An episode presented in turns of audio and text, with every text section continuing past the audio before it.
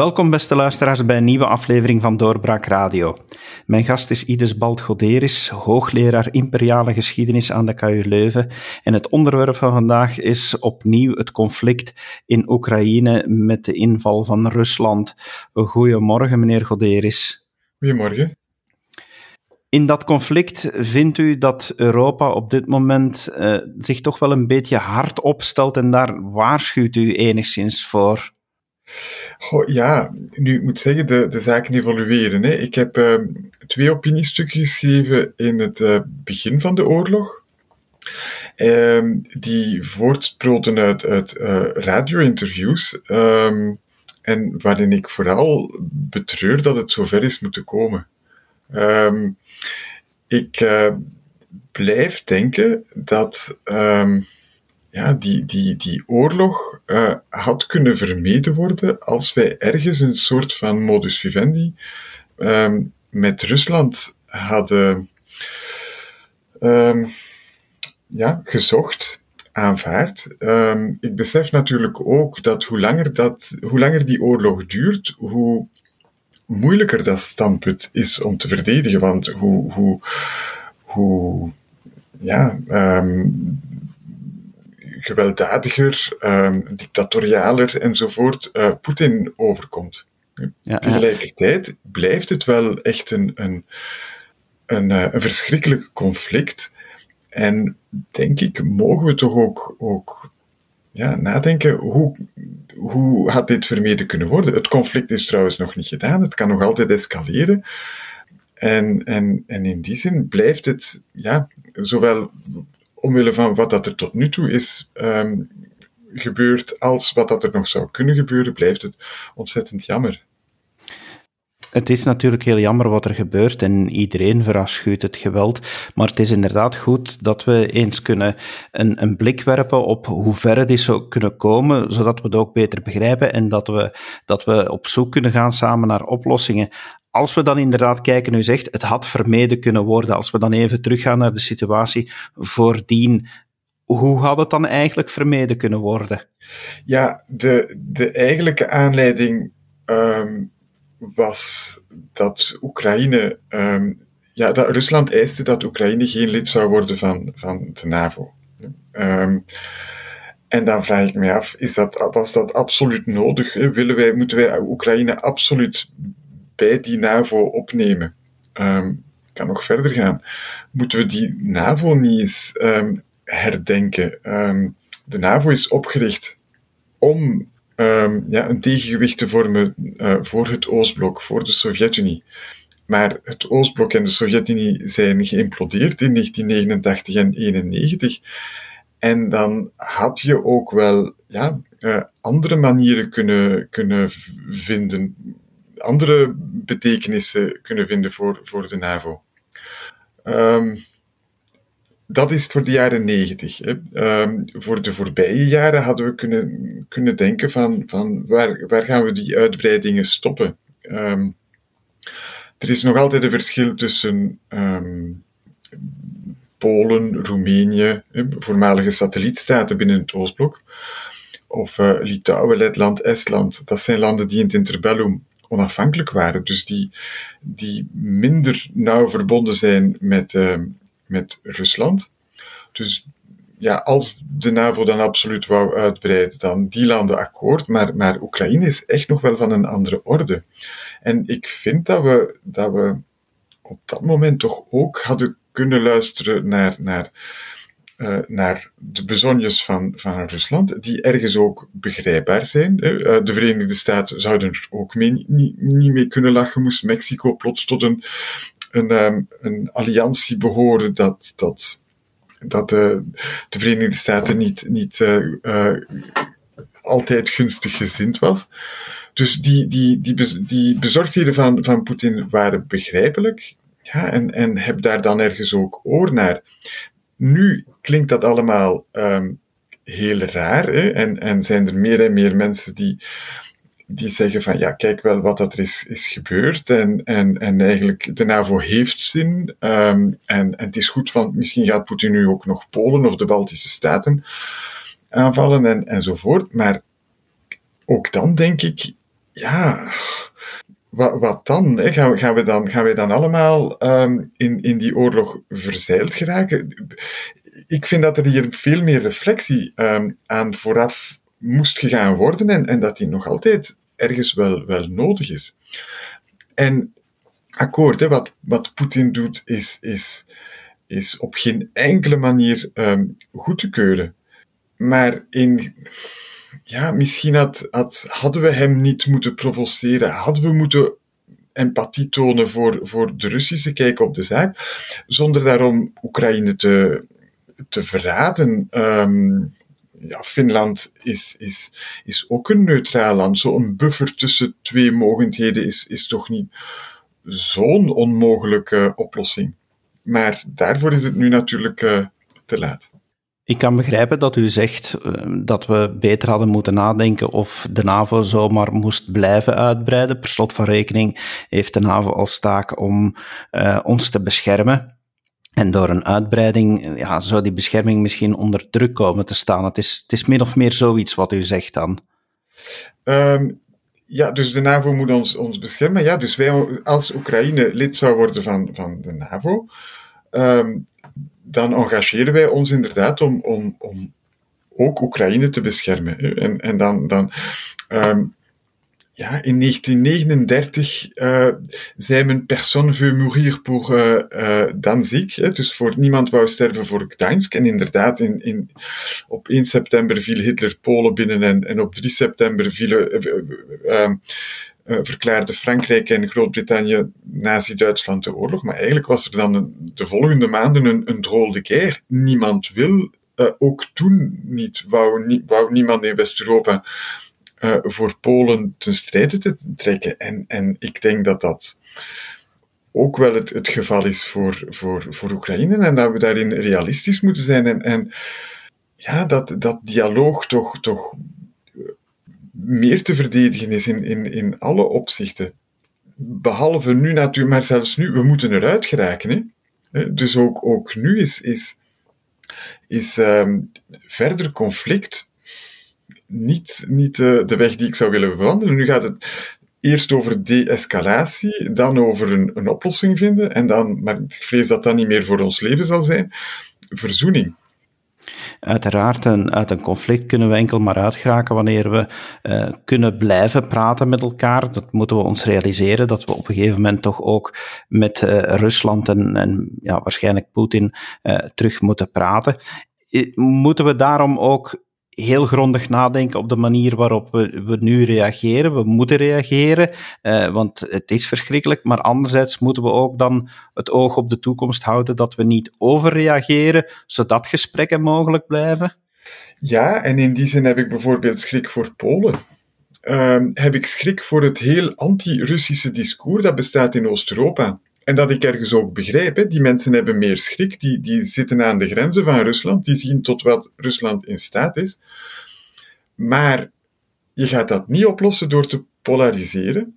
Um, je, ja, je zoekt beter een, een, een, een, ehm, een manier van samenleven. Uh, en dan kan je zeggen, ja, Poetin is niet betrouwbaar en Poetin heeft ons uh, maandenlang voorgehouden dat hij Oekraïne niet wou, wou binnenvallen. Um, akkoord, hè. Ik, ik, wil op geen enkele manier Poetin verdedigen, maar, maar het Westen is ook niet altijd uh, te, te, vertrouwen. Hè. Wij zijn Irak binnengevallen omwille van een, een, een drogreden.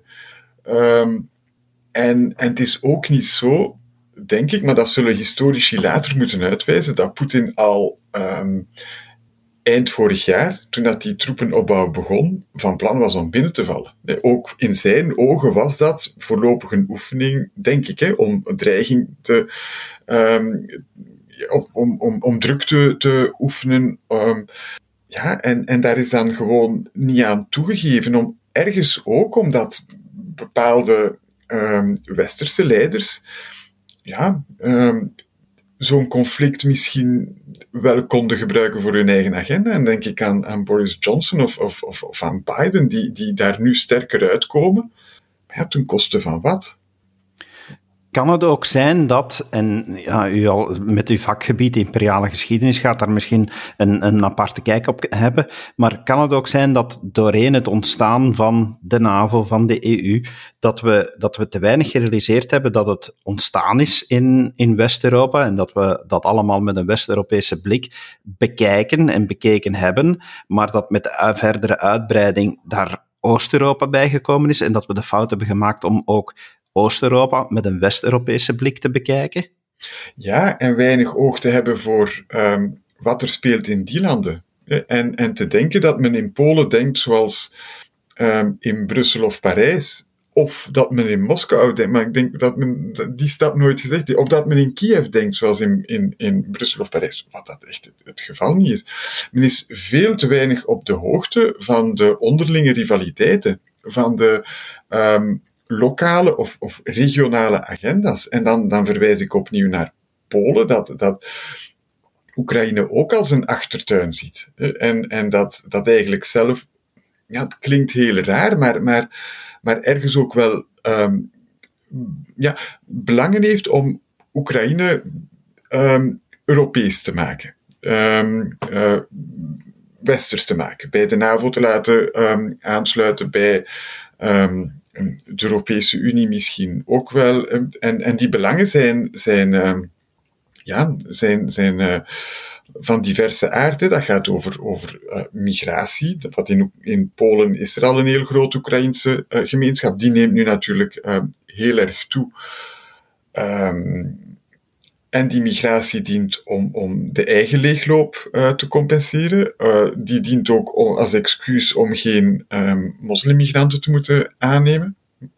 Een, een ander um, agendapunt is, is dat ja, met, met, met een uitbreiding naar het oosten verschuift het centrum automatisch ook meer naar het oosten. En zeker nu, nu dat Berlijn en, en Parijs eigenlijk hebben gefaald in hun toenaderingspogingen tot tot Rusland, ja, zie ik Warschau wel meer gewicht krijgen in um, de Europese, in de westerse instellingen. En, en, en je ziet dat ook. Hè. Biden gaat, gaat binnenkort naar, naar Polen. Um, ja, Morawiecki, dus de Poolse premier, krijgt, krijgt een, een, luidere stem. Je hebt conservatieven al in, in het Europees parlement die vragen om meer stemgewicht in, in, uh, voor, voor, voor hun land, voor Polen. En ondertussen lezen we tegelijkertijd ook, gisteren nog in de standaard, dat de Poolse democratie verder wordt uitgehold. We weten heel goed, het voorbije jaar werd er heel vaak met argusogen naar Polen gekeken. Maar dus dat wordt nu helemaal ondergescheept door, door het Oekraïnse conflict. Dus ik denk dat West-Europa daar sowieso bekijkt gaat uitkomen. En, en in die zin is het jammer dat West-Europa niet toch meer op, op, op dat standpunt van dialoog heeft ingezet al die Oost-Europese bondgenoten, lidstaten van de Europese Unie, die kijken er misschien ook wel helemaal anders naar, omdat die een geschiedenis hebben van het Warschau-pact. Die, die, hebben, uh, die hebben een andere geschiedenis, die hebben, die hebben dingen meegemaakt die misschien veel meer aanleiding geven tot zeer anti-Russische gevoelens. Ja, en ik, ik begrijp die ook. Um, en tot een maand geleden zou ik, zou ik zeggen dat, dat zij geen schrik moeten hebben dat, dat Rusland niet meer zo zou aanvallen. Rusland heeft dat nu toch gedaan. Uh, nu, Oekraïne is een, van een andere orde dan uh, een Baltische staat of een uh, voormalige um, satellietstaat. Um, zowel om historische redenen als omwille van het feit dat Oekraïne niet tot de NAVO behoort. Dus ergens hoop ik dat dat artikel 5 in, voor Rusland nu toch wel, wel nog afschrikkend gaat, gaat werken. Maar, maar bovenal zou ik zeggen dat er, dat er een modus vivendi met, met, uh, met, met Rusland mogelijk was. Dat Rusland echt niet uit is om Warschau er terug uh, bij te halen. Um, uiteindelijk is de Sovjet-Unie, is het Oostblok geïmplodeerd omdat ze die, die satellietstaten en dan vooral de, Polen, maar ook wel de Hongaren en de Tsjechoslowaken en zo, niet de baas konden. En, en dat weet meneer Rusland ook. Um, dus het is zo'n beetje die, ik vind het self-fulfilling prophecy, hè? door de hele tijd te zeggen, ja, die Russen, die, die gaan ons aanvallen, we moeten daar ons tegen verdedigen, uh, we kunnen die niet vertrouwen. Door de hele tijd dat discours uh, te gebruiken, ja, staan we waar dat we nu staan. Als we dan die kennis toepassen, moeten we dan nu ook zeggen dat we heel voorzichtig moeten zijn wanneer landen uh, zoals Zweden en zeker Finland zouden vragen om toe te treden tot de NAVO? Ja, um, ja, sowieso. Ik bedoel, als we dat nu holder de bolder gaan doen, um, dan riskeren we de, de toorn van Poetin nog, nog meer op onze nek te halen. Um, ik zou pleiten voor een, een, ja, een beëindigen van de oorlog.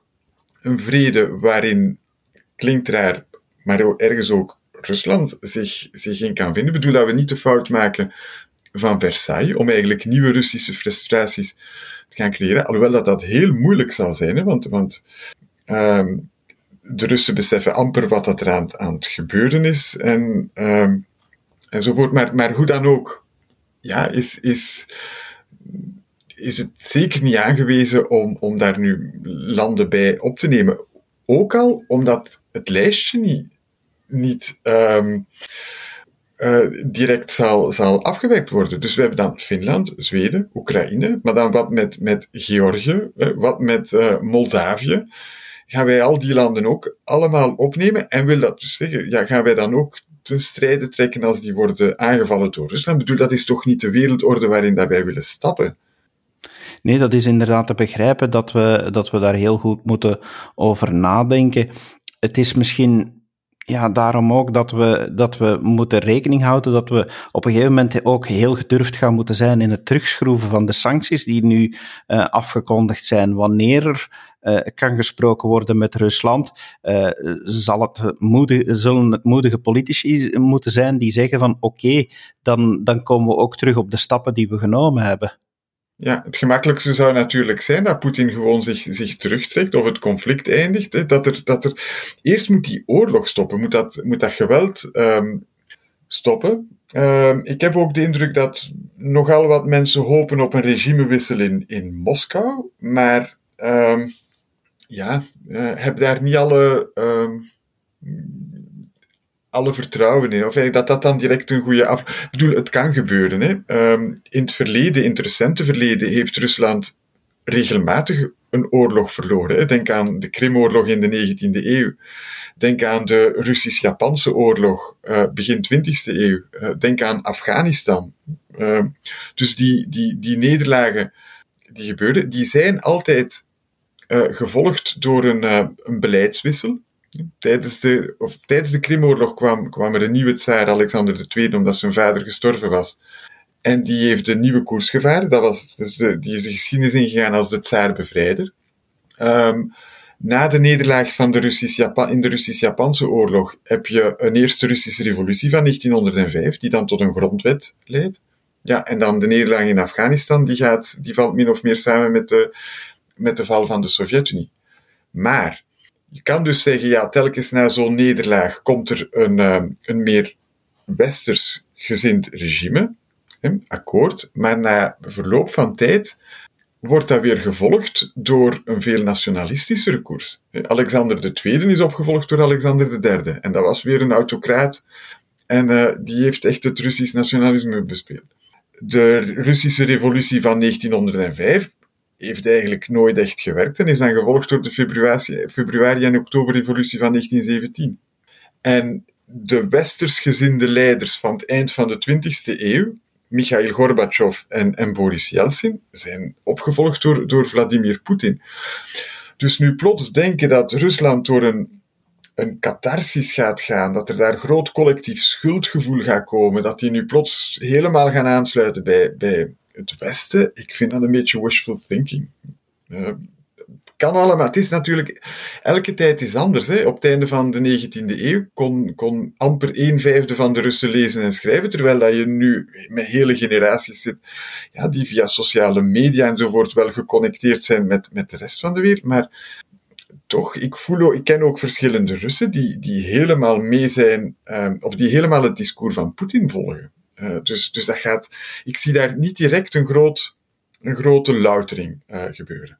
Waar we natuurlijk ook rekening mee moeten houden in, in onze Europese politiek, is dat er nog machtsblokken zijn uh, die misschien nu wel wat meer uit het zicht zijn, maar die toch een rol spelen. En dan denk ik bijvoorbeeld aan China. Dat, dat, ja, dat kunnen we toch ook niet vergeten, dat, dat China daar is en, en een wereldmacht is. Ja, uh, eigenlijk wel. Hè. En ik kan, het, ik kan het mij voorstellen dat. dat ja, dat de, de oorlog heeft nog geen naam, hè? De, de Russisch-Oekraïnse oorlog, laat het ons zo noemen. Um, in de geschiedenisboeken zal, zal geduid worden als een, een, een soort van stuiptrekking binnen de, laat het ons de westerse wereld noemen. Dus een, um, eigenlijk een, een, een vervolg op, op de Koude Oorlog, maar eigenlijk ook een conflict dat niet meer van deze tijd is, een, een, een anachronisme in de 21ste eeuw, en daardoor ook een versnelling van de positie van um,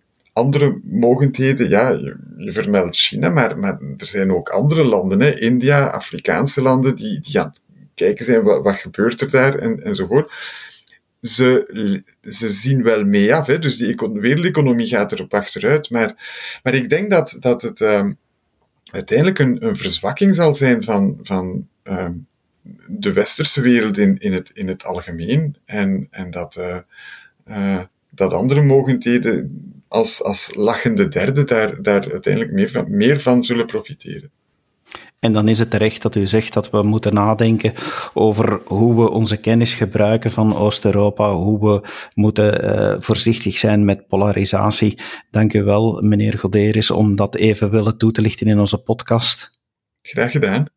En u, beste luisteraar, hopelijk hebt u weer wat bijgeleerd over dit conflict. We blijven voor meer achtergrond zorgen, dus blijf afstemmen op de podcast. Graag tot een volgende keer. Dag. Dit was een episode van Doorbraak Radio, de podcast van doorbraak.be. Volg onze podcast op doorbraak.be/radio of via Apple Podcasts, Overcast of Spotify. Bezoek ook onze website op doorbraak.be en steun ons door een vriend te worden van Doorbraak.